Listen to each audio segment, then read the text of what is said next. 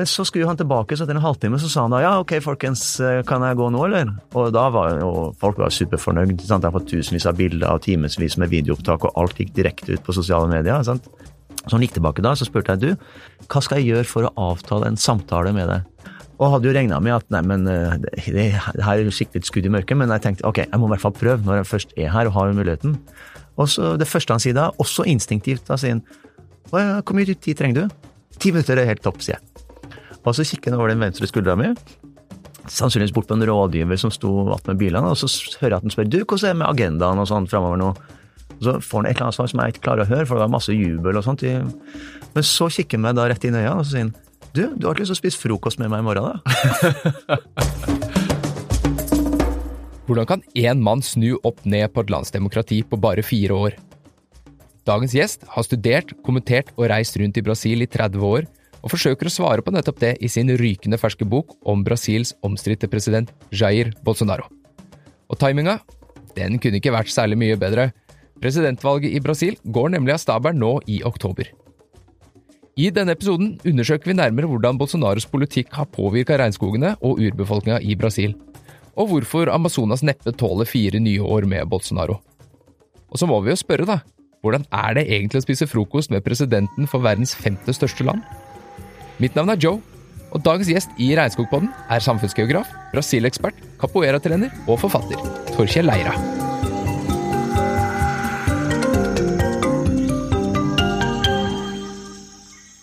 Ja, Torkjell Leira, velkommen inn i studio. Tusen takk. Du er jo ikke ukjent eh, for Regnskogfondet. Du har vært aktiv i, i mange, mange år med regnskogsbevaring og urfolksbevaring, og ikke minst eh, politikk. Det stemmer. Så jeg har jo jobba her i Fra 2005 til 2012 jobba jeg jo i Regnskogfondet. Ja, Så det var veldig stas å være tilbake, da. Det, Ja. Jeg føler meg jo veldig hjem her. Ja, men det er jo hyggelig, det er jo hyggelig å høre. Vi syns det er veldig stas å ha deg her òg. Du er jo uh, mye. Du er uh, forfatter, og du er uh, regnskog- eller, eller Brasil-ekspert. Du er capoeira-instruktør. Altså, Torkjell Leira, hvem er du egentlig? Oh, det er jo et kjempevanskelig spørsmål, men uh, Nei, trønder. Uh, bodde i Oslo i snart 30 år. Uh, Flytta ut for å studere. Og så har jo veldig mye av livet mitt uh, dreid seg om eh, Brasil, fordi at eh, Og det starta nærmest som en tilfeldighet. Eh, jeg dro som utvekslingsstudent på videregående, Mm. Eh, og da hadde jeg lyst til å dra til Latin-Amerika og lære meg spansk, så da satte jeg alle de eh, spansktalende landene øverst på prioriteringslista. Det var en fire-fem land som var tilgjengelig da. Jeg dro med en organisasjon som heter AFS. Og så havna Brasil ned da på fjerde- eller femteplass på den lista, og når jeg fikk svaret og åpna den konvolutten som kom- kom i posten, så hadde jeg fått blitt tildelt plass i Brasil. Ja. Og da huska jeg at det første jeg tenkte var litt sånn Nei, Brasil? Eh, nei, uff. Ja, ja, ja. Det går, blir sikkert bra det òg, tenkte jeg. Mm. Men, uh, for der snakka vi portugisisk, og så hadde vi hatt en brasiliansk eh, utvekslingsstudent hjemme hos oss. Mm. Så derfor tenkte jeg ja, men der kan jeg dra og besøke Eduardo når som helst og sånne ting. Og hadde lyst til å lære meg spansk. Men det som da til å begynne med ble, var en liten skuffelse, har jo vist seg å være et helt fantastisk genialt lykketreff i livet mitt. Det har ført med seg så mye bra, inklusive å jobbe i Regnskogfondet og skrive tre bøker om Brasil og Amazonas. Det er ganske sprøtt hvordan en sånn, eh, som sier da, en skuffelse til å begynne med, egentlig eh, kan ha forma hele livet ditt Ja, ja, ettertid. ja, absolutt. Men da lurer jeg også på hvorfor Brasil? Hva er det som, du, hva er det som åpna øynene dine? Hva er det som gjorde at dette liksom var Brasil, Amazonas, som var det som du skulle forfølge Mm. nå da i over 30 år? Nei, det er klart at når jeg var der, så tenkte jeg jo ikke så mye. Da bare opplevde jeg at eh, Brasil var veldig flott. Og, så det er jo veldig mange ting som kan få deg til å liksom eh, ko bare koble seg på, eller bare bli helt fortapt eller pasjonert for et land. For meg var det venner. Så jeg Mm. fikk veldig mye veldig gode venner, som folk som fortsatt er blant de beste vennene mine. De bor i, i Brasil. Eh, og så, selvfølgelig, det som var Så fikk jeg jo kjæreste. Akkurat når jeg skulle dra hjem det første året. så, så da måtte jeg gjøre ferdig, eh, gjøre ferdig eh, eh, gjøre ferdig videregående hjem, halvannet år, og så, det kan kanskje innrømme det nå, så, så tok jeg opp studielån og meldte meg opp til forberedende, som mange andre har gjort, og så dro jeg til Brasil, tok med meg en pensum ned, og så, så bodde jeg der da nesten et år, og hadde jo egentlig lyst til å gifte meg og bli med hun dama, Isabella heter hun, så gikk det jo ikke helt sånn, da. Eh, men det var på en måte steg to da, i det, det som ble bare en sånn kjempesnøball, og som har blitt en sånn livslang eh, person, rett og slett. Så det med regnskog kom jo egentlig etterpå. Min greie var Brasil først. Det med regnskog og Amazonas kom litt etter hvert. Ja. Og nå har du altså skrevet, som du sa i stad, tre bøker eh, om Brasil. Og nå er du ute med en ny en, som heter Kunsten å drepe et demokrati. Og den uh, handler jo om uh, en figur uh, som også er kjent som tropenes Trump, Brasils president Bolsonaro. Mm -hmm. Hvorfor har du valgt å skrive en bok akkurat om det? Tidligere så har du jo skrevet bl.a. Kampen om regnskogen, som handler mer om hvordan regnskogen i Brasil ødelegges av bl.a. industri, mm. fra et norsk perspektiv. Da. Mm. Men nå har du valgt å skrive om én person i mm. Brasil. Mm. Hvorfor det? Nei, det er faktisk en, eh, en, slags fortsettelse av den forrige boka, Kampen om regnskogen. Eh, for det siste kapitlet der het faktisk Bolsonaros Brasil. For når jeg skrev eh, den boka, da hadde Bolsonaro akkurat tatt over makta. Han vant presidentvalget i 2019, tok over, nei, 2018, tok over i 2019. Eh, og da, da, var det jo allerede helt krise i forholdet mellom Norge og Brasil når det gjaldt eh, regnskog, regnskogpenger, og særlig Amazonasfondet. Norsk støtte til Amazonasfondet var frosset. Eh, og da, i den boka, så gikk jeg litt inn i og prøvde å finne ut hva er det egentlig som skjer, hva er det egentlig som har, hva er grunnen til det, og hva er liksom hva er utsiktene, hva er scenarioene her, hva, hva, vil skje framover? Og da, allerede da var jeg veldig bekymra, mm. og alt det har jo egentlig slått til, og kanskje blitt enda verre. Sånn at eh, det at, eh, for, for å ta Amazonas, at avskoging av Amazonas er nesten dobla på de fire årene han har sittet ved makta, mm. det er jo helt forferdelig. Eh, og nesten utenkelig når man eh, tenker tilbake på hvor man var i 2017-2018. Da hadde det liksom allerede begynt å gå opp noen år, men liksom at det skulle derfra og nesten dobles på fire år, var nesten helt utenkelig. sånn at og det er jo ikke bare på regnskogsida, miljøsida og menneskerettighetssida Bolsonaro har vært en uh, katastrofal president for Brasil. Det gjelder koronahåndteringa, det gjelder hele demokratiet. Så at det kom jo, kom jo, ganske tydelig opp ganske tidlig at jøss, det han mannen er i ferd med å gjøre, det er jo akkurat det samme som Trump i USA eh, prøvde å få ut til. Det er akkurat det samme eh, gal, eh, ja, galen som Putin i Russland og Erdogan i Tyrkia. Mm. De demokratisk valgte statsledere bruker den makta demokratiet gir dem, eller demokratiets våpen eller redskap, til å ødelegge selve demokratiet. Det er en sterk, dessverre, en sterk tendens i verden i dag, og Bolsonaro er liksom et kremeksempel på det. Så, så, Brasil i dag er liksom et sånt lite, lite laboratorium for hvordan man ødelegger demokratia. Så det er jo derfor tittelen ble som den ble, da, 'Kunsten å drepe et demokrati'. Ja, for hvem er egentlig denne her eh, Bolsonaro? Altså, han eh, Ettersom jeg skjønte, så var han jo en, en fyr som egentlig ikke har utretta så veldig mye. Altså, han var jo selvfølgelig eh, en eh, høyrestående politiker, men eh, det virker nesten, i hvert fall for de som ser det utenfra, at han nærmest kom ut fra intet. Mm. Det var sånn han likte å framstille seg i 2018, rundt valget selvfølgelig, fordi da var Brasil det var prega av kaos på nærmest all front, da, politisk, økonomisk, ja, gigantisk korrupsjonsskandale som, som, som dundra over hele samfunnet. Så han framstilte seg som en sånn ikke-politiker, en slags ikke-kandidat som kom fra utsida. Men han hadde jo da sittet en mannsalder i Kongressen allerede, i 27 år, og var mm. kjent som en eksepsjonelt uproduktiv politiker. Han hadde liksom aldri hatt noe særlig innflytelse eller noe makt, aldri fått til noen ting som helst, og var på en måte i veldig veldig mange år bare sett på som en, eh, liksom en sånn nisjepolitiker, eh, nærmest en sånn karak en karakter, en karakter, ja, en sånn del av folkloren, nærmest. Ja. Ingen to, veldig få tok den mannen egentlig seriøst, for han var for ekstrem. Han hadde bakgrunn som eh, kaptein i Hæren, men ble dytta ut av Hæren eh, på 80-tallet fordi at han var for brysom og, og sto bak en del helt ville planer. Jeg skriver om det i, i boka, men det, det tar, tar, lang tid, og, så vi, vi hopp, det blir noen andre historier. Men han hadde liksom eh, profilert seg på at han kjempa for lønna til soldatene og lønna til politiet i Brasil. Det var liksom hans sak. Eh, og så etter hvert, og det holdt han på med i fem år og ti år og 15 år, og etter hvert eh, så han ble stadig gjenvalgt til, til, å sitte i Kongressen. Men så etter hvert så å, så skjønte han at ok, skal jeg liksom få litt mer gjennomslag, så er jeg nødt til å begynne å tenke litt bredere. Og da allierte han seg med mange av de mest konservative gruppene i, eh, i den brasilianske kongressen, og begynte å snakke om fullt frislipp av våpen, så at uh, våpen, antallet håndvåpen i Brasil har jo firedobla de siste par årene, Oi. fordi at det er fullt frislipp på, på våpenregulering.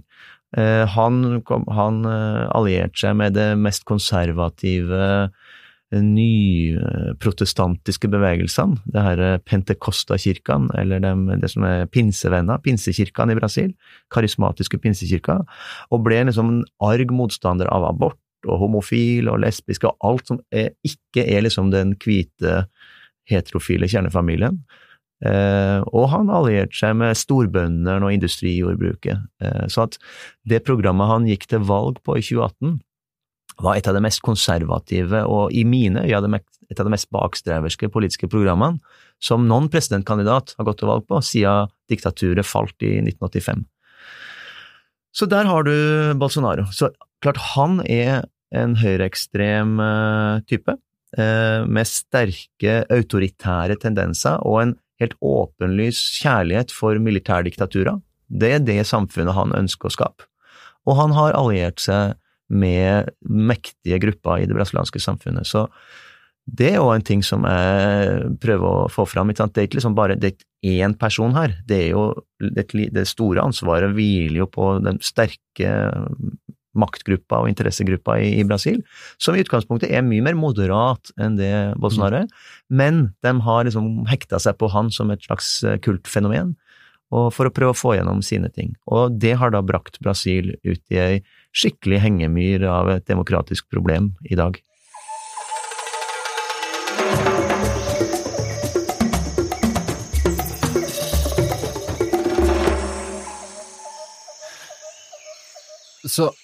Om denne mannen da er uh, altså en ekstremist, han er tydelig rasistisk, han uh, uh, lefler med, med, menneskers rettigheter, både urfolk og, og kvinners rettigheter, abort, homofili, lempe på våpenrettighetene, har rota det fryktelig til under covid, lar Amazonas brenne Hvorfor stemmer mm. folk på han? Altså, hva er det som gjør at noen går til valgurnene um, og faktisk putter hans navn på, på stemmeseddelen sin? Mm. Ja, Det er et veldig godt spørsmål, og noe som eh, var et av de store spørsmålene mine òg, når jeg gikk inn i research til å skrive denne boka her.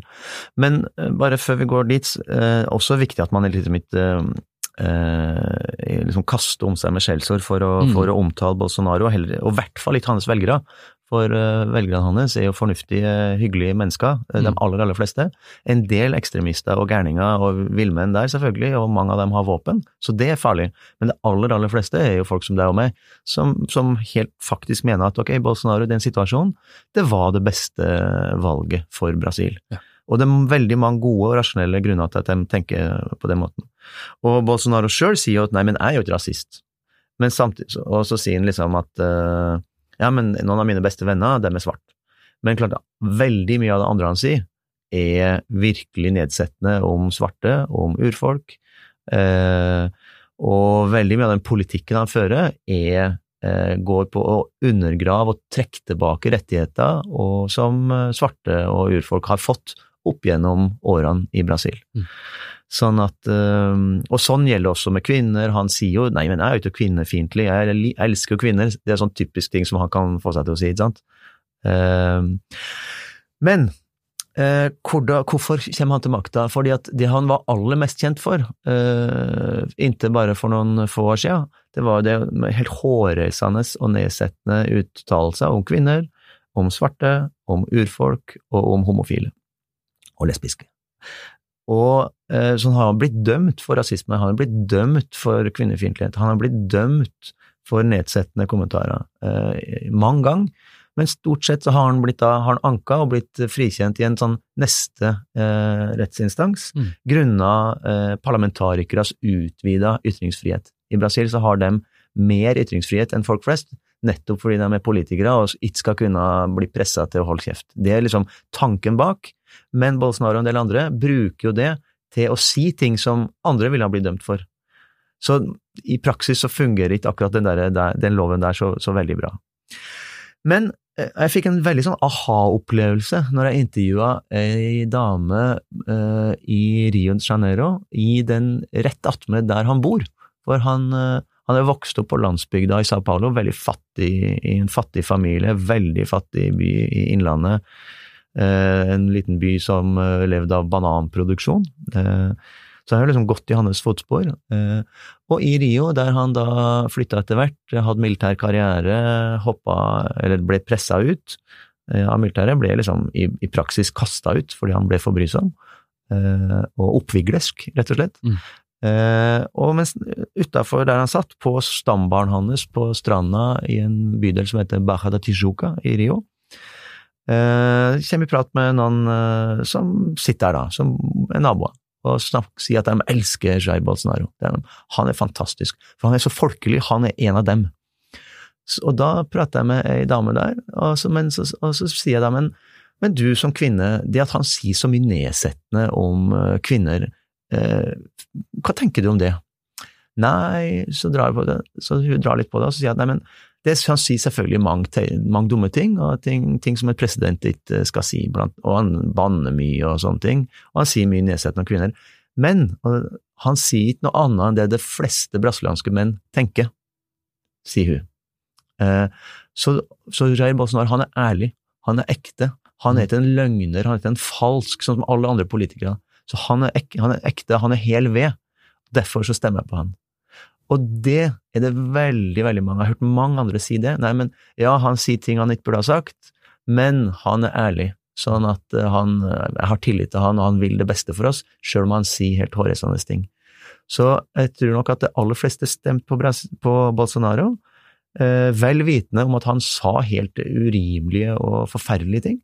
Eh, men de tenkte ok, men jeg stemmer på han likevel, for jeg tror at han er ærlig, og at han vil det beste for oss og for meg.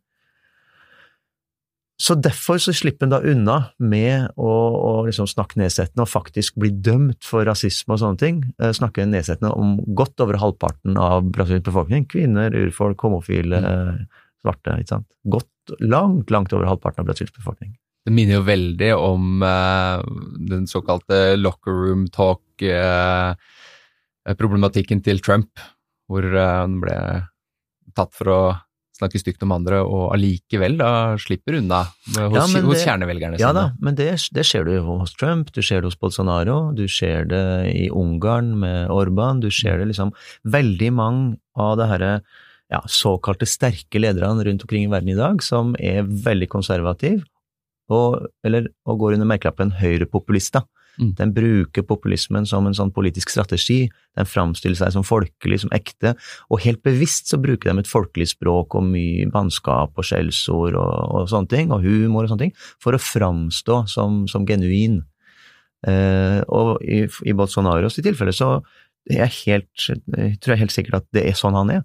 Jeg var jo så heldig at jeg fikk jo snakka med henne, det var jo en helt surrealistisk opplevelse. Ja, det var neste spørsmålet mitt nå. Du skal ikke få deg til å avsløre altfor mye fra boka di her, men siste kapitlet ditt, det er jo uh, kanskje enhver uh, Bolsonaro-forfatters uh, ja, drømmescenario. Du ja, fikk jo fikk et ganske personlig møte med, med, hovedpersonen. Absolutt. Nei, det var helt vilt. Uh, men det sier òg litt om liksom hvor, hvor, hvor, kul han er, da, for mange. For da, for da var jeg jo utafor presidentpalasset blant hans kjernevelgere. Dem, Før så møtte han pressen hver ettermiddag utafor presidentpalasset og, mm. og kommenterte på ting. Og, men han hater jo journalister, sånn at uh, han begynte å boikotte journalister og ville ikke snakke med dem og skjelte dem ut og kalte dem løgnere og drittsekker.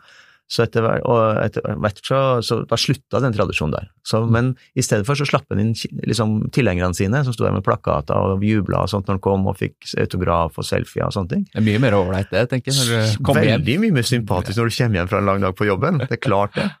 Eh, hvordan, hvor demokratisk det er, det er en helt annen sak, riktignok. Men eh, da sto jeg blant eh, den gjengen der, og hadde klart å, å ved hjelp av min liksom den gamle vertsbroren min fra det året som jeg var utvekslingsstudent i Brasil, for å ta liksom den parallellen. Så vi to dro ned dit, og mm, han er liksom veldig sånn gatesmart fyr, og jeg som norsk forfatter, så vi, vi slapp gjennom. og og så står vi der og venter i mange timer, og så plutselig kjenner en bilkortesje langt oppe i veien, det begynner å skumre, og det er mørkt, og der er det blålys og rødlys og blinking og sånne ting, og så kommer det en sånn bilkortesje med en seks-sju svarte, svære biler stopper rett foran oss. Og så mange minutters venting der, og folk står rundt og jubler, og, og med, alle med kameraene opp og sånne ting, og så åpnes døra, og så kommer han da skrittet mot oss, og så to sekunder etter det så står han altså en halvmeter fra meg. Eh, og jeg ble helt sånn starstruck. Så jeg klarte ikke å si et ord. Og det, og sto der, og det klarte jeg å reflektere over. Fader, jeg, har satt her i tre timer, jeg har ikke klart å formulere ett eneste fornuftig spørsmål. Hvordan er det mulig? Så jeg står liksom og skikkelig sånn masse motstridende følelser. Men da, George på sida mi, han kompisen min, da, han sa du, senor president, han her har kommet helt fra Norge for å skrive bok om det. Å, fra Norge? Og da liksom begynner, da begynner hjernen å fungere og tenker ja, selvfølgelig, hvorfor skal han gjøre det så komplisert? Så jeg bare gjentar da helt ordrett ja, senor president, jeg kommet helt fra Norge for å skrive bok om det. Å, eh, ja, Norge, ja. Eh, men det, det, dere driver virkelig hamrer løs på oss nå, gjør dere det?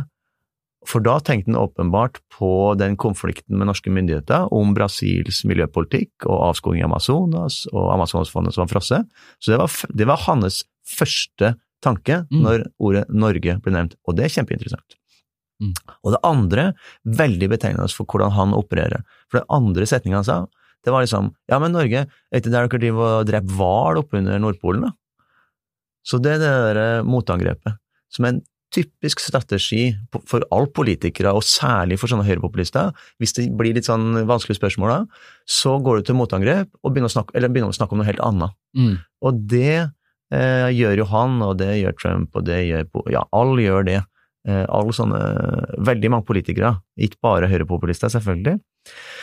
Men så begynte da gikk han videre liksom og snakka med folk, og, og snakka med alle og tok selfier med alle og sendte hilsener og var superjovial, superhyggelig, og var den der kule onkelen som du tenker at ja, altså du gjerne skulle vært på grillfest med, og ja, kjempehyggelig og karismatisk og alt det der. Og så da, liksom, første gangen jeg virkelig skjønt liksom, hvordan folk kan bli så blenda og så liksom se opp til han nærmest som en myte. Det er et av kallenavnene hans, nærmest som en sånn frelser. Mm. Men så skulle han tilbake, så etter en halvtime så sa han da ja, ok folkens, kan jeg gå nå, eller? Og da var jo folk var superfornøyd. Sant? Jeg har fått tusenvis av bilder og timevis med videoopptak, og alt gikk direkte ut på sosiale medier. sant? Eh, og, men da var, klarte jeg å være litt strategisk. og liksom, mellom der han var der, da, og bilen, så stilte vi oss ved gjerdet, da, George og meg. Så han gikk tilbake da, så spurte jeg du, eller sier president, hva skal jeg gjøre for å avtale en samtale med deg? Og da brukte jeg bevisst ikke ordet intervju, fordi han gir nesten aldri intervjuer. Nei, for han hater journalister. Ja, det er bare vennligsinna liksom koseprat. Ja. Eh, det er det han er med på. Aldri noen sånn liksom, kritiske intervjuer. Og hadde jo regna med at nei, men eh, det, det, her er skikkelig et skudd i mørket, men jeg tenkte ok, jeg må i hvert fall prøve når jeg først er her og har muligheten. Og så det første han sier da, også instinktivt, da sier han hvor mye tid trenger du? Uh, og da ble jeg skikkelig nølende. Uh, ti minutter, det første jeg klarer. Ti minutter er helt topp, sier jeg. Og så kikker han over den venstre skuldra mi, sannsynligvis bort på en rådgiver som sto attmed bilene, og så hører jeg at han spør du, hvordan er det med agendaen og sånn framover nå? Og så får han et eller annet svar som jeg ikke klarer å høre, for det var masse jubel og sånt. Men så kikker han meg da rett inn i øynene, og så sier han du, du har ikke lyst til å spise frokost med meg i morgen, da? Og jeg klarte jo heldigvis da å stotre ja, det vil jeg veldig gjerne. Ja, ja, men jeg bare avtaler med rådgiveren min her. Ses i morgen. Så ja. da, dagen etter, så satt jeg altså sånn som vi sitter over et sånn bord her, så gikk jeg rett inn i øynene hans og hadde en 45 minutter samtale med Jair Bolsonaro. Så du fikk vesentlig mer enn de ti minuttene du ba om? Vesentlig mer, og, og mer enn noen annen ikke-brasiliansk journalist eller skribent eller forfatter som jeg vet om. Jeg har hørt om noen andre ikke-brasilianere som har liksom hatt en så lang samtale direkte med Jair Bolsonaro. Så selvfølgelig, som forfatter, superscoop. Mm. Kjempeinteressant. Og det var Jeg syns det var så lærerikt å liksom å få hans syn på verden og Ja, for hvordan var han som, som, person, altså når du satt der en litt mer sånn Nei, han var, han, var, han var, ganske interessert, liksom, for jeg, klart, jeg som en, uh, som en uh, norsk uh, skribent sant, kommer fra andre sida av jorda, og så selvfølgelig var han jo klar over det der, der litt sånn vanskelige forhold til Norge som rundt Amazonas og miljø. Så jeg tror han blir sånn, litt sånn nysgjerrig. Hvem er han raringen der? Det tror jeg var hans liksom, instinktive sånn, reaksjon. Mm. Men der og da så, nei, han, så svarte han på spørsmålene mine, og jeg spurte liksom om alt jeg hadde på hjertet, om covid, om regnskog, om, uh, ja, om planene videre, hvorfor han trodde han ble valgt, og alt mulig rart som jeg hadde på blokka. Og han svarte på alle spørsmålene. Uh, og det skriver jeg jo ganske sånn detaljert om i boka, da. Uh, men det lærte meg altså masse om Og det, det var jo det som var tanken nå, ikke sant. Hvordan tenker Jair Bolsonaro? Hva er hans verdensbilde? Hva er hans menneskesyn?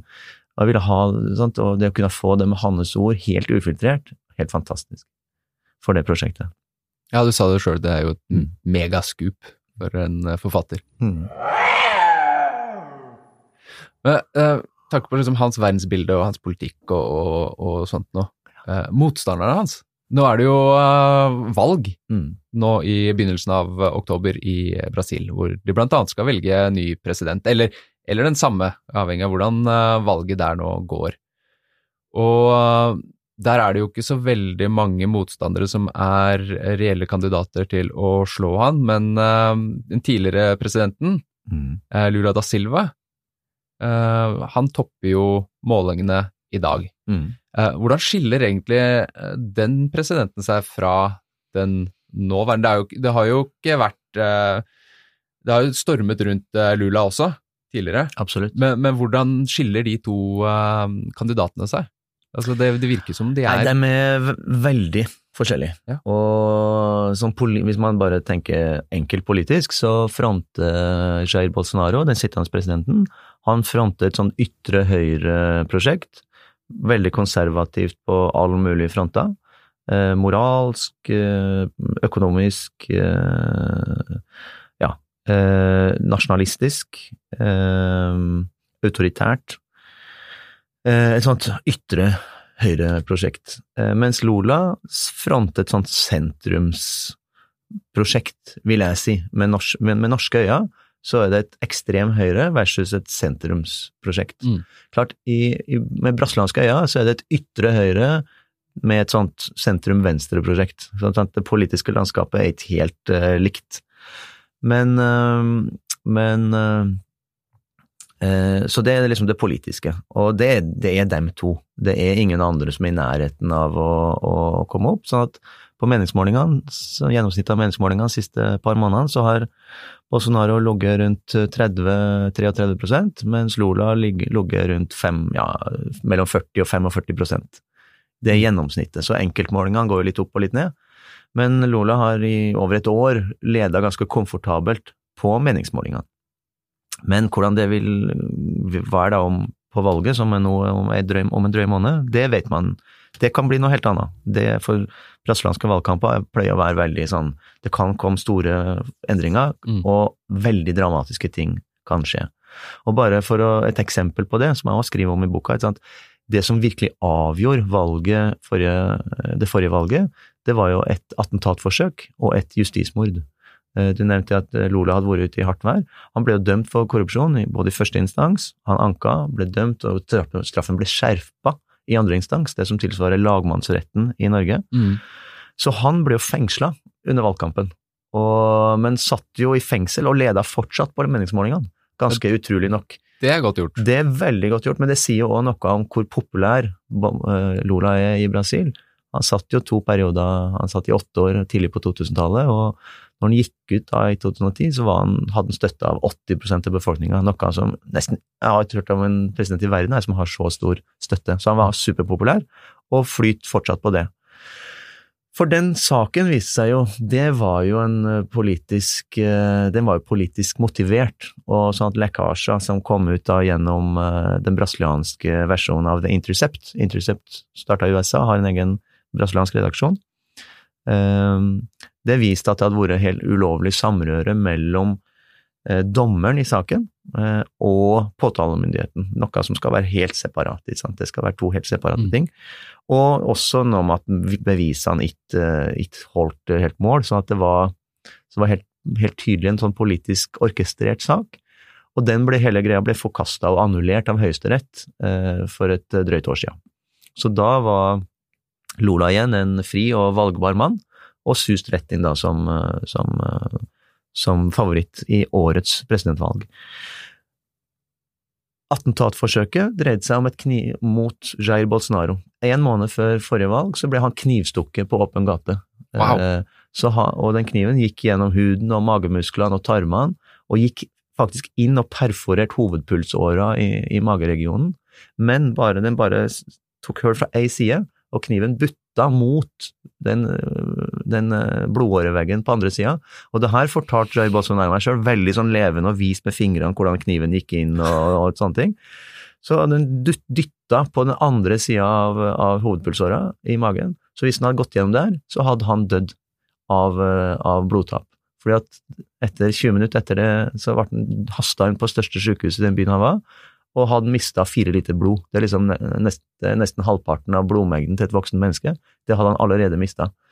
Og var bare med et nødskrik de fikk liksom gitt nytt blod, og fant den der perforeringa. Så han var liksom helt bokstavelig talt én millimeter fra døden.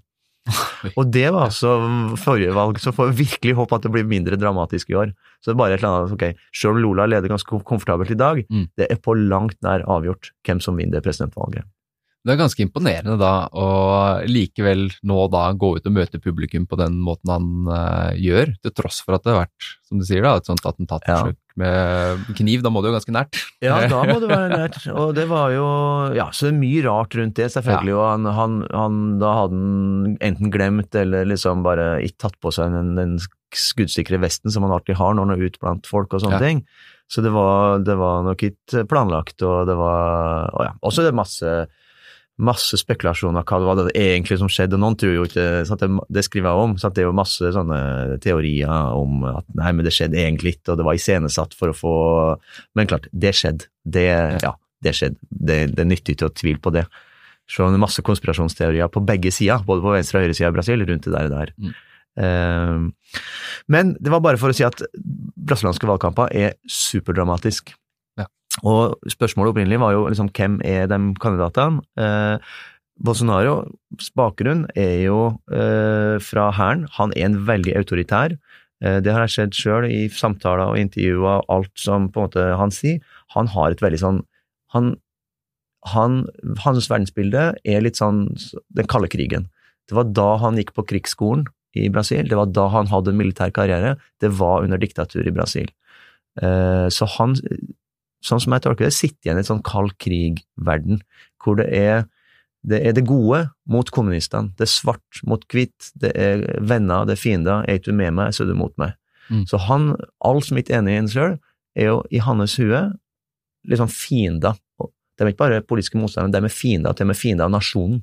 De vil undergrave og ødelegge det gode Brasil. Det er på en måte det verdensbildet. Han. Lula på andre sida går for å være liksom den beste politiske håndverkeren i Brasil, kanskje noensinne, i hvert fall i sin generasjon. Han er superjovial, en mester i å få folk til å komme sammen og finne konsensus og sånne ting. Eh, og, eh, og, men kanskje den, det største og viktigste forskjellen er jo det at eh, Lula er jo en, han ønsker å opprettholde det brasilianske demokratiet. Eh, Bolsonaro, alt han sier og gjør, tyder på at det ønsker han ikke. Han ønsker å innskrenke og forvitre det brasilianske demokratiet.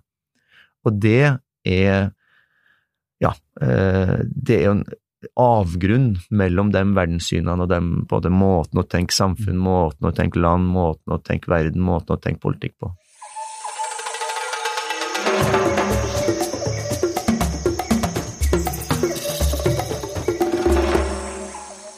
Da er vi inne på dette her med demokrati i eh, Brasil, for det er jo klart at nå i oktober så skal det velges en president.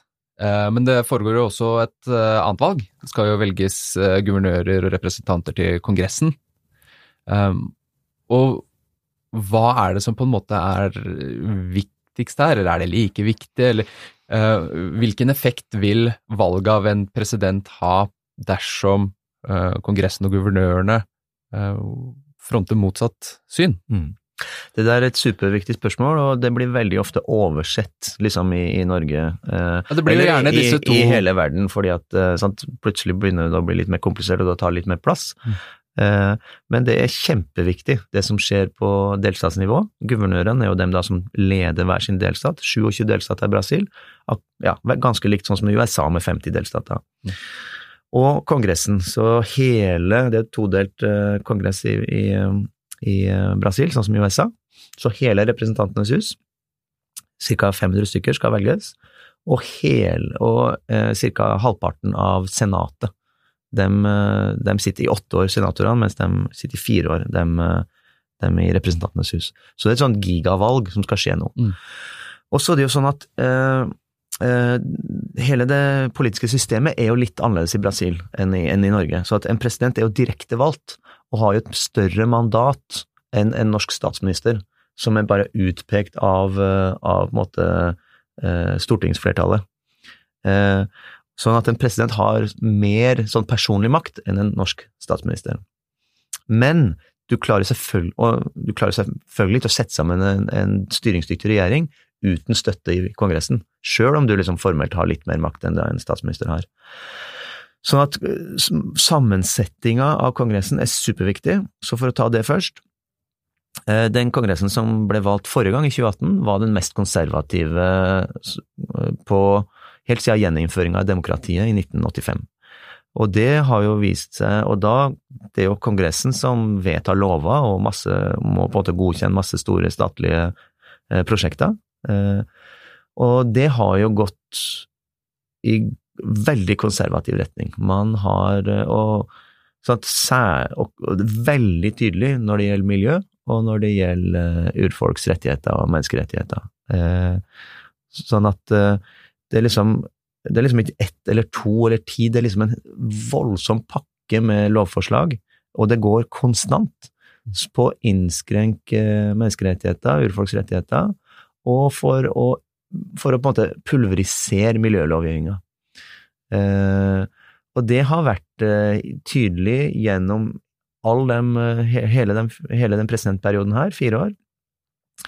Men det er ikke noe overraskelse for oss som har fulgt brasiliansk politikk og hatt litt sånn radaren opp for Bolsonaro, fordi det var akkurat det han sa i valgkampen. En av de hovedgreiene hans når han var ute på landsbygda, var han sa I hvis jeg blir president, det skal ikke komme en kvadratcentimeter til med urfolksterritorium. Den brasilianske grunnloven sier at staten har en plikt eh, til å anerkjenne eh, og avmerke urfolksterritoriet i Brasil, der hvor urfolk har bodd bestandig. Det har staten plikt til å gjøre, og all regjeringa siden den, og all presidenter siden den gangen har gjort det. Eh, Støtt og stadig støtt, sant? sakte og trutt. Egentlig fikk man en tidsperiode på, på fem eller ti år, men det er klart man kom ikke i mål, man har fortsatt med det. Men eh, så Bolsonaro er liksom da den eneste presidenten siden gjeninnføringa i demokratiet eh, på 80-tallet som ikke har anerkjent et eneste urfolksterritorium. Han har satt lokk og bare fulgt all det håndbrekket på, på all de prosessene. Mm. Så det er bare at han har innfridd va- valgløftene sine. Og samme når det gjelder miljø, bredt, om det gjelder miljøgifter eller sprøytemidler, eller om det gjelder miljøkonsekvensanalyser, eller om det gjelder adgang til å drive, gruvedrift, eller hva det nå skal være, innskrenking av tidligere verneområder. Det er altså fullt håndbrekk på, på alt av vern, vern eh, og beskyttelse av, eh, av miljø. Du ser det veldig tydelig i Amazonas. Men samtidig full gass på alt av, av kommersielle prosjekter for utnytting av naturressurser. Nærmest uavhengig av hva slags konsekvenser det har for mennesker og miljø. Eh, så det, men det er også bare en sånn eh, at han innfrir valgløftene sine. En ting som et eksempel som han dro og sa når, eh, eh, han var ute på landsbygda, vi må få slutt på den her bøteindustrien eh, som eh, Miljødirektoratet er. Miljødirektoratet i eh, Brasil, som i Norge, har ansvar for å, eh, for å følge med at eh, miljølovgivninga eh, følges. Og hvis det ikke følges, så anmeldes det, og folk blir ilagt bot. Og, eh, og det er på en måte, det sier Brasils lover. Mm. Bolsonaro, som president Canada, sa at nei, vi må få slutt på det her. Eh, og med meg som president, det, da skal vi finne en ordning på det. Han sa ikke akkurat hvordan, men det, sånn, i praksis så har det nærmest blitt eh, full brems på det, og det er nesten ingen som betaler bøter for uh, miljøkriminalitet i Brasil. Uh, og igjen bare at han innfrir valgløftene sine. Uh, ja, så der er vi i dag. Ja. Og forhåpentligvis så vil det komme en ny president i Brasil. Jeg tror det er et gode for det, ja, for brasilianere flest og for hele det brasilianske demokratiet. Og da vil vi forhåpentligvis få en endring eh, på det. Ja, det har jo vært sagt at uh, Amazonas ikke tåler uh, fire år til med Bolsonaro.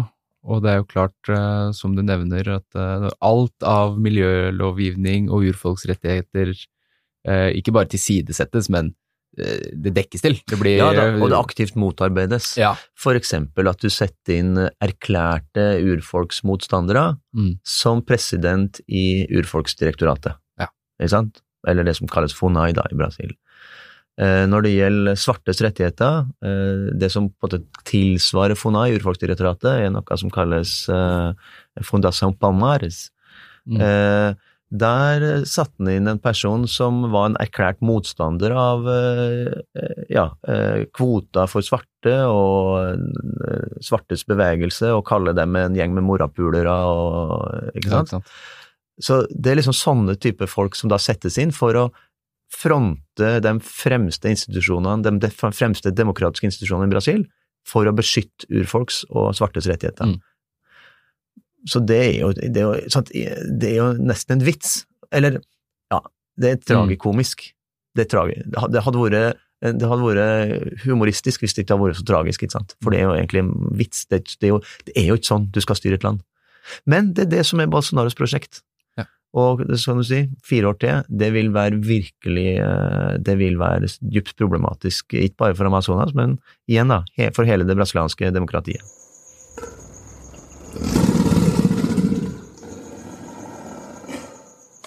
I den eh, forrige boka di, eh, 'Kampen om regnskogen', eh, så snakker du om hvordan norske næringsinteresser har tatt seg til rette i Brasil. Og der nevner du på et tidspunkt i boka at Norge har ja, Per i dag så er det vel ca. 10 milliarder Norge har donert da, til Amazonasfondet, men at det er over, over 27 ganger så mye er blitt investert fra Norge AS i eh, regnskogødeleggende industri. Eh, noe som betyr at næringslivet har jo stor, stor makt i Brasil. Og med Bolsonaro og hans konservative regjering som har styrt nå de siste fire åra, så har jo de fått mer frislipp. Hva tenker du om, om næringslivets uh, hva skal jeg si, ansvar Mm. oppi dette her, og hvilken makt er det de egentlig sitter på ovenfor en person mm. som Bolsonaro? Han har jo uh, sagt at han ikke vil ha penger fra Norge og Tyskland og, og EU, eh, fordi da mener han at dette er uh, Vi oppfører oss som kolonialmakter. Um, mm. men, men, hvordan kan næringslivet komme på banen her? Er det, er det sannsynlig? Mm. Er det noen mulighet? Ja da, absolutt. Og det korte svaret på det er jo at i en sånn situasjon så er næringslivets eh, og all andres ansvar enda større. I en situasjon hvor et lands myndigheter går på tvers av det som av både menneskerettigheter og internasjonale avtaler, som Parisavtalen, eh, og eh, Konvensjonen for biologisk mangfold og sånne ting. Når et lands valgte ledelse ikke respekterer det, så øker de andre aktørenes ansvar. Mm. Så det er det korte svaret. Næringslivets ansvar er større i en sånn situasjon enn det ville ha vært med en annen type eh, politikk i Brasil. Bare sånn kort på tallene. Jeg gjorde jo det regnestykket jeg så på de midlene som var gått til til urfolk, eh, ja, til å fremme urfolks rettigheter og beskytte eh, regnskogen i Amazonas. Eh, og gjorde et litt, veldig sånn enkelt regnestykke ut mot hvor store investeringer har AS Norge gjort i Brasil. Da var det femgangen. Sånn 10 milliarder versus kanskje en 40-50 milliarder. Mm. Ti minutter til å beskytte regnskogen i Amazonas. En 40-50 til næringer og, og selskaper som er med på å ødelegge Eh, så den der 20-gangeren, det går vel på Det tror jeg var Regnskogfondets egen eh, Som jeg også da bruker som kilde. Det å sammenligne eh, regnskogsmilliardene som regjeringa går, som regjeringa jobber med i hele verden, versus oljefondets investeringer. Det tror, jeg, det tror jeg er den 720-gangeren. Så det er jo enda mye, et enda mye større gap. Men for å se på Norge og brasiliansk Amazonas, så er det fire eller fem ganger så mye. Okay. Mm. Så, og det aller største er jo Norsk Hydro sitt oppkjøp av, en, av aluminiumskjeden. Fra, smelte, fra helt fra gruva via raffinerier til smelteverk eh, i, i, Amazonas. Eh, og eh, sånn at Hydros ansvar og alle andre store norske selskaper, eh, Yara, eh, Equinor, Statkraft, det er faktisk sånn at det veldig mange av de aller største norske selskapene har sine aller største utenlandsoperasjoner i Brasil. Mm. Det er fordi at Brasil har så enormt med naturressurser, det har så enormt med, med muligheter. Eh, sånn at du finner liksom eh, Også for norsk næringsliv så er det liksom muligheter, eh, muligheter der. Og eh, der syns jeg innledningsvis at eh, de norske aktørene eh, var altfor beskjeden, og kanskje også tråkka skikkelig i baret. Det gjaldt særlig Equinor, og Equinor sin eh, Brasil-sjef, som ganske tidlig eh, etter at hun ble ansatt, gikk ut og sa at nei, men Brasil de har jo full kontroll på, på skogene sine, og du, når du er ute i skogen her, så ser ikke ut et eneste papir på, på bakken, og det, nei, her har de god skjøtsel. Det presterte hun å si. Eh, og det var jo eh, fullstendig feil, selvfølgelig. Eh, allerede da var avskogingstallene i ferd med å ta av, og de angrepene på, på miljø og urfolk var helt soleklare allerede. Så det sier nok mer om den, det Brasil hun hadde blitt presentert for. Hun hadde svelga på en Bolsonaro-regjeringas retorikk, virka det som. Så det påpekte jeg jo i boka, og har jo heldigvis, heldigvis så har vi jo ikke hørt liksom lignende skjønnmaling av Bolsonaro-regjeringa fra, fra, norsk næringsliv siden det. Eh, men her gjelder det jo at næringslivet òg tenker at eh, ok, det gjelder ikke bare å følge lovene og reglene i Brasil, man har også mange internasjonale standarder og internasjonale regelverk å forholde seg til. Eh, og man er nødt til å, som norsk selskap i utlandet, også bidra til at sånn det er helt grunnleggende at FNs bærekraftsmål Eh, at vi når dem. Det har du et soleklart ansvar på. Også som næringslivsaktør. OECD har sine retningslinjer, FN har det, eh, Verdens handelsorganisasjon Alle sånne store internasjonale organismer har veldig klare retningslinjer eh, for hvordan man skal opptrå, både når det gjelder miljø, når det gjelder minoriteter, urfolks rettigheter, bærekraft, og det gjelder liksom å være sitt ansvar bevisst. Og, så, ja, og det håper jeg at uh, norsk næringsliv uh, har gjort. Jeg har ikke liksom fulgt uh, det sporet så tett de siste årene, siden jeg ga ut den boka i 2020. Men har skjedd, vi har i hvert fall ikke sett noen sånne store blundere sånn at de går ut og, på en måte støtte Bolsonaro-regjeringas gode skjøtsel av Amazonas, for det er fullstendig feil. Og vi har heller ikke skjedd noen sånne store utslippsskandaler, sånn som Hydro i, um, for noen år tilbake. Så vi får bare håpe at det ja, går den riktige veien, da. Ja, for jeg tenker jo nå som det er en mer konservativ regjering som Og så må jeg må få si, legge til det at veldig mange gode også initiativ fra næringslivet sjøl, ikke sant. Nå har du jo Skift, som samler mye av dem mye av de mest miljø- og bærekraftsvennlige selskapene masse initiativer. Det, norske, det er masse internasjonale investorer, blant annet masse norske, som gikk ut og var jo direkte i dialog med brasilianske myndigheter. Eh, så at du ser veldig mange gode initiativ fra næringslivet, men eh, det er klart å derfra å se resultatene i praktisk politikk i Brasil, det er en, det er en lang vei å gå. Også fordi at Bolsonaro-regjeringa bryr seg, eller Bolsonaro bryr seg jo ikke et dugg om hva, hva, folk internasjonalt uh, tenker om han.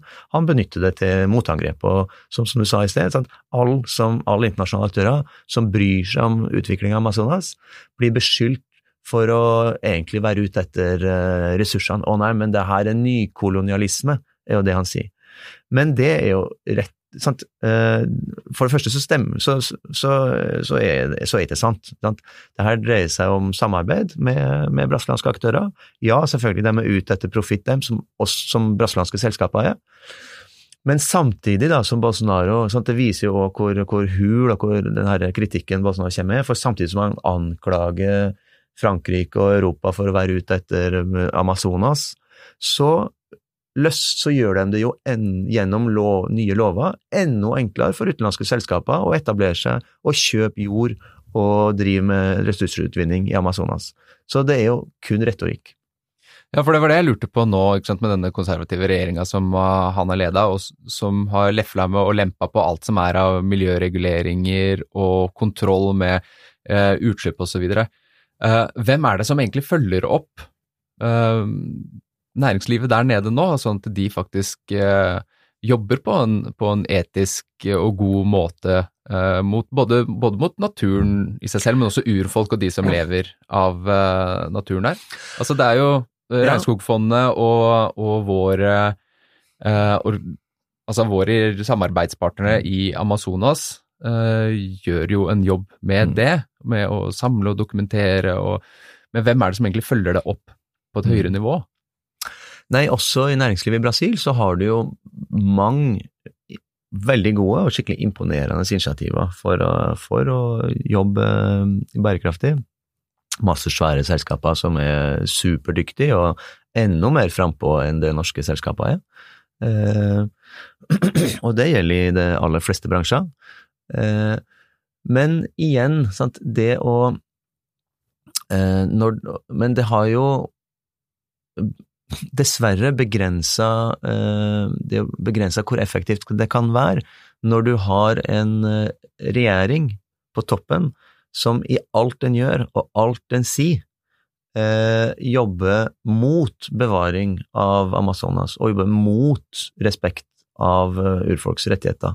Uh, alt den, den, sittende regjeringa i Brasil har sagt og gjort, ja, alt er kanskje dratt litt langt, men det aller, aller meste tyder på at her skal vi utvinne ressursene i Amazonas så fort som overhodet mulig, med et minimum av hensyn til folk og miljø. Eh, så det er liksom den retninga det går. Og da kan man liksom sitte og bremse fra sivilsamfunnet eller fra næringslivet så mye man bare klarer, men det er en svær dampveivals som bare ruller, ruller, gjennom skogen, for å bruke et litt sånn forslitt uh, bilde. Uh, men, det, men sånn, det, som liksom er litt av det gode nyhetene her, da, er at det finnes veldig mange gode krefter i Brasil. Det finnes veldig, i sivilsamfunnet, i akademia, i næringslivet, i politikken. Uh, men det aller viktigste i 2022 er jo da å få valgt en annen president enn Bolsonaro. For liksom, med Bolsonaro ved makta, så er det altså begrensa hva man vil få til.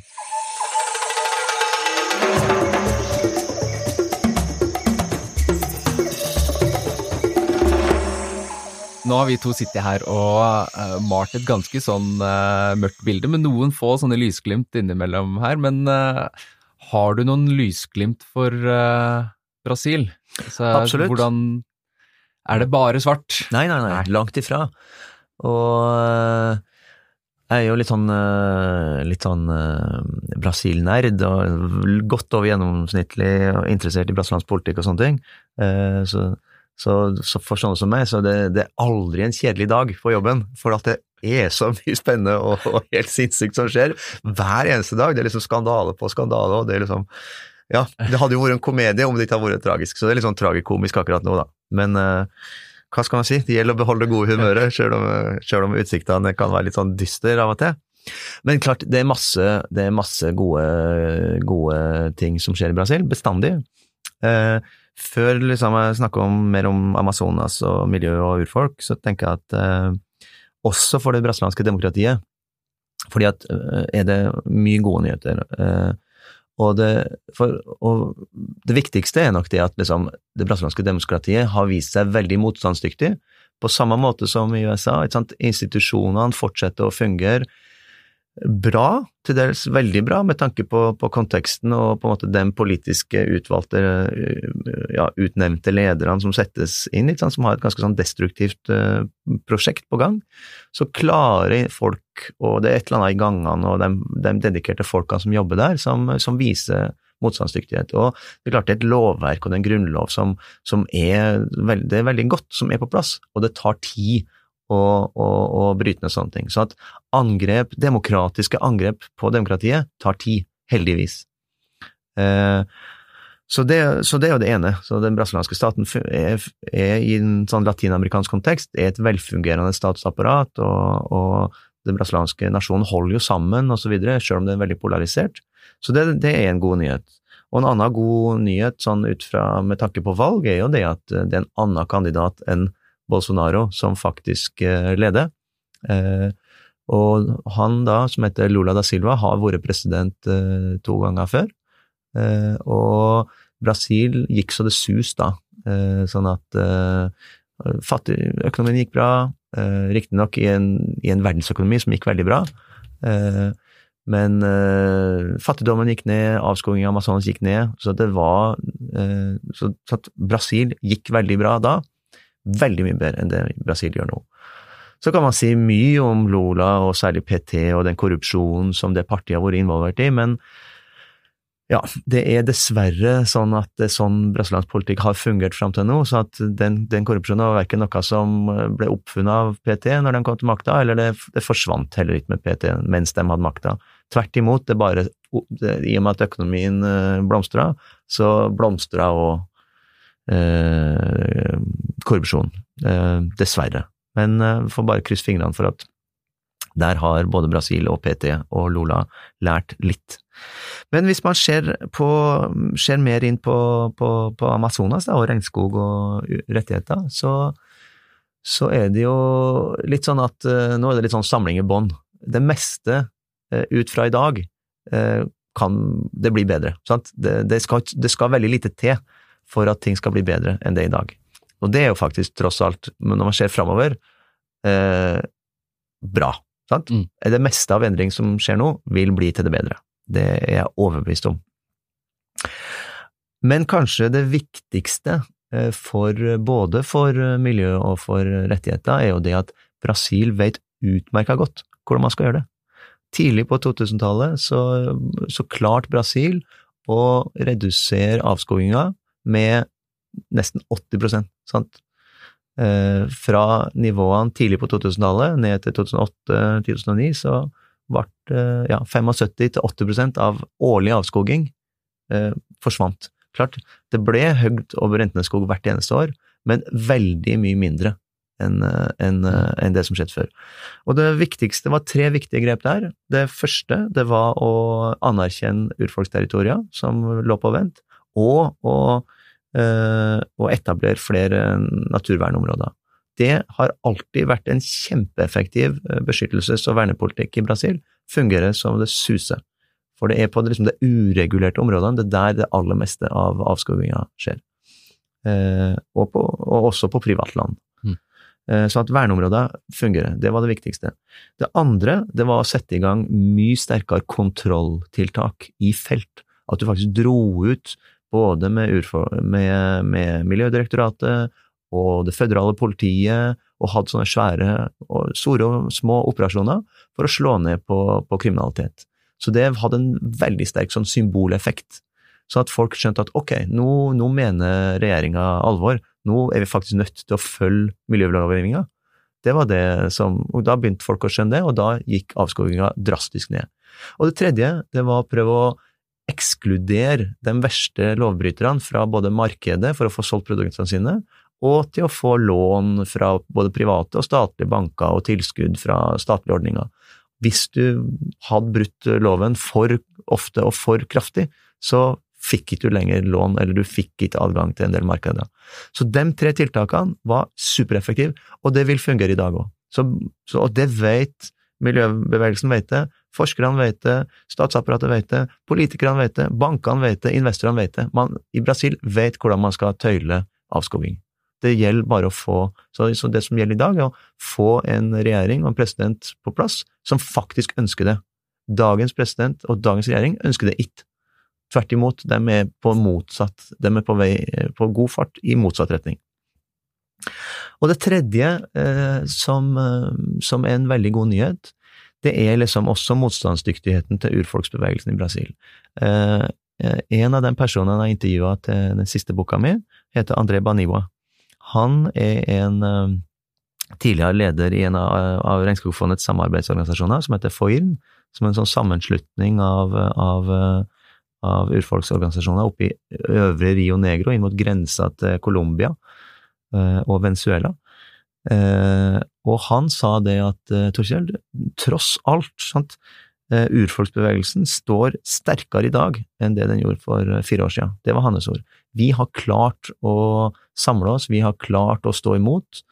Eh, og vi har klart å formulere alternativer, sånn at, eh, og den motstandsdyktigheten med at han var kjempeviktig, og jeg er helt enig, for at urfolksbevegelsen i Brasil har vært en av de sterkeste og tydeligste kritikerne av Bolsonaros regjering, og har stått liksom i stormen hele tida, eh, både juridisk, i parlamentet, i gatene, i resten av verden, i FN osv.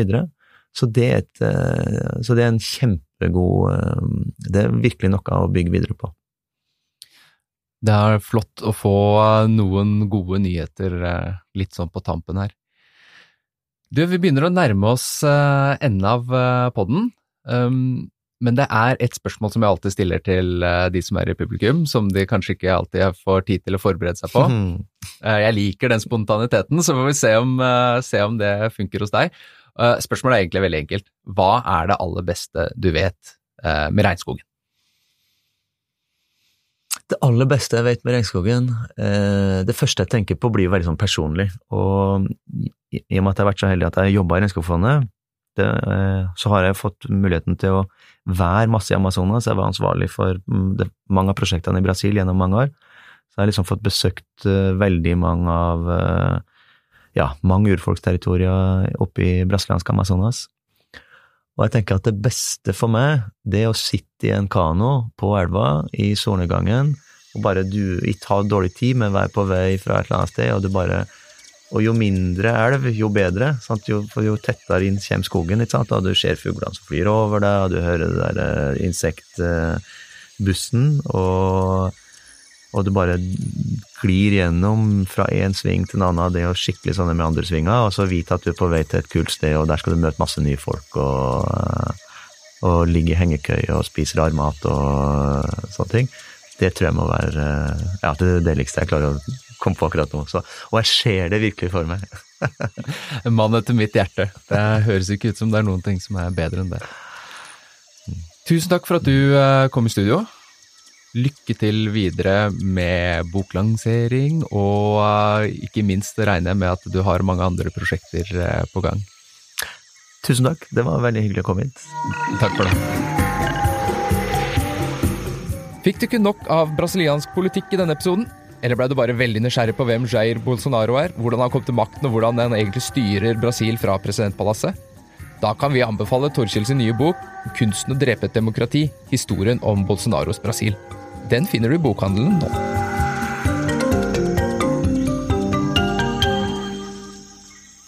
Du har nettopp hørt på Regnskogpodden, en podkast produsert av Regnskogfondet i samarbeid med Norad.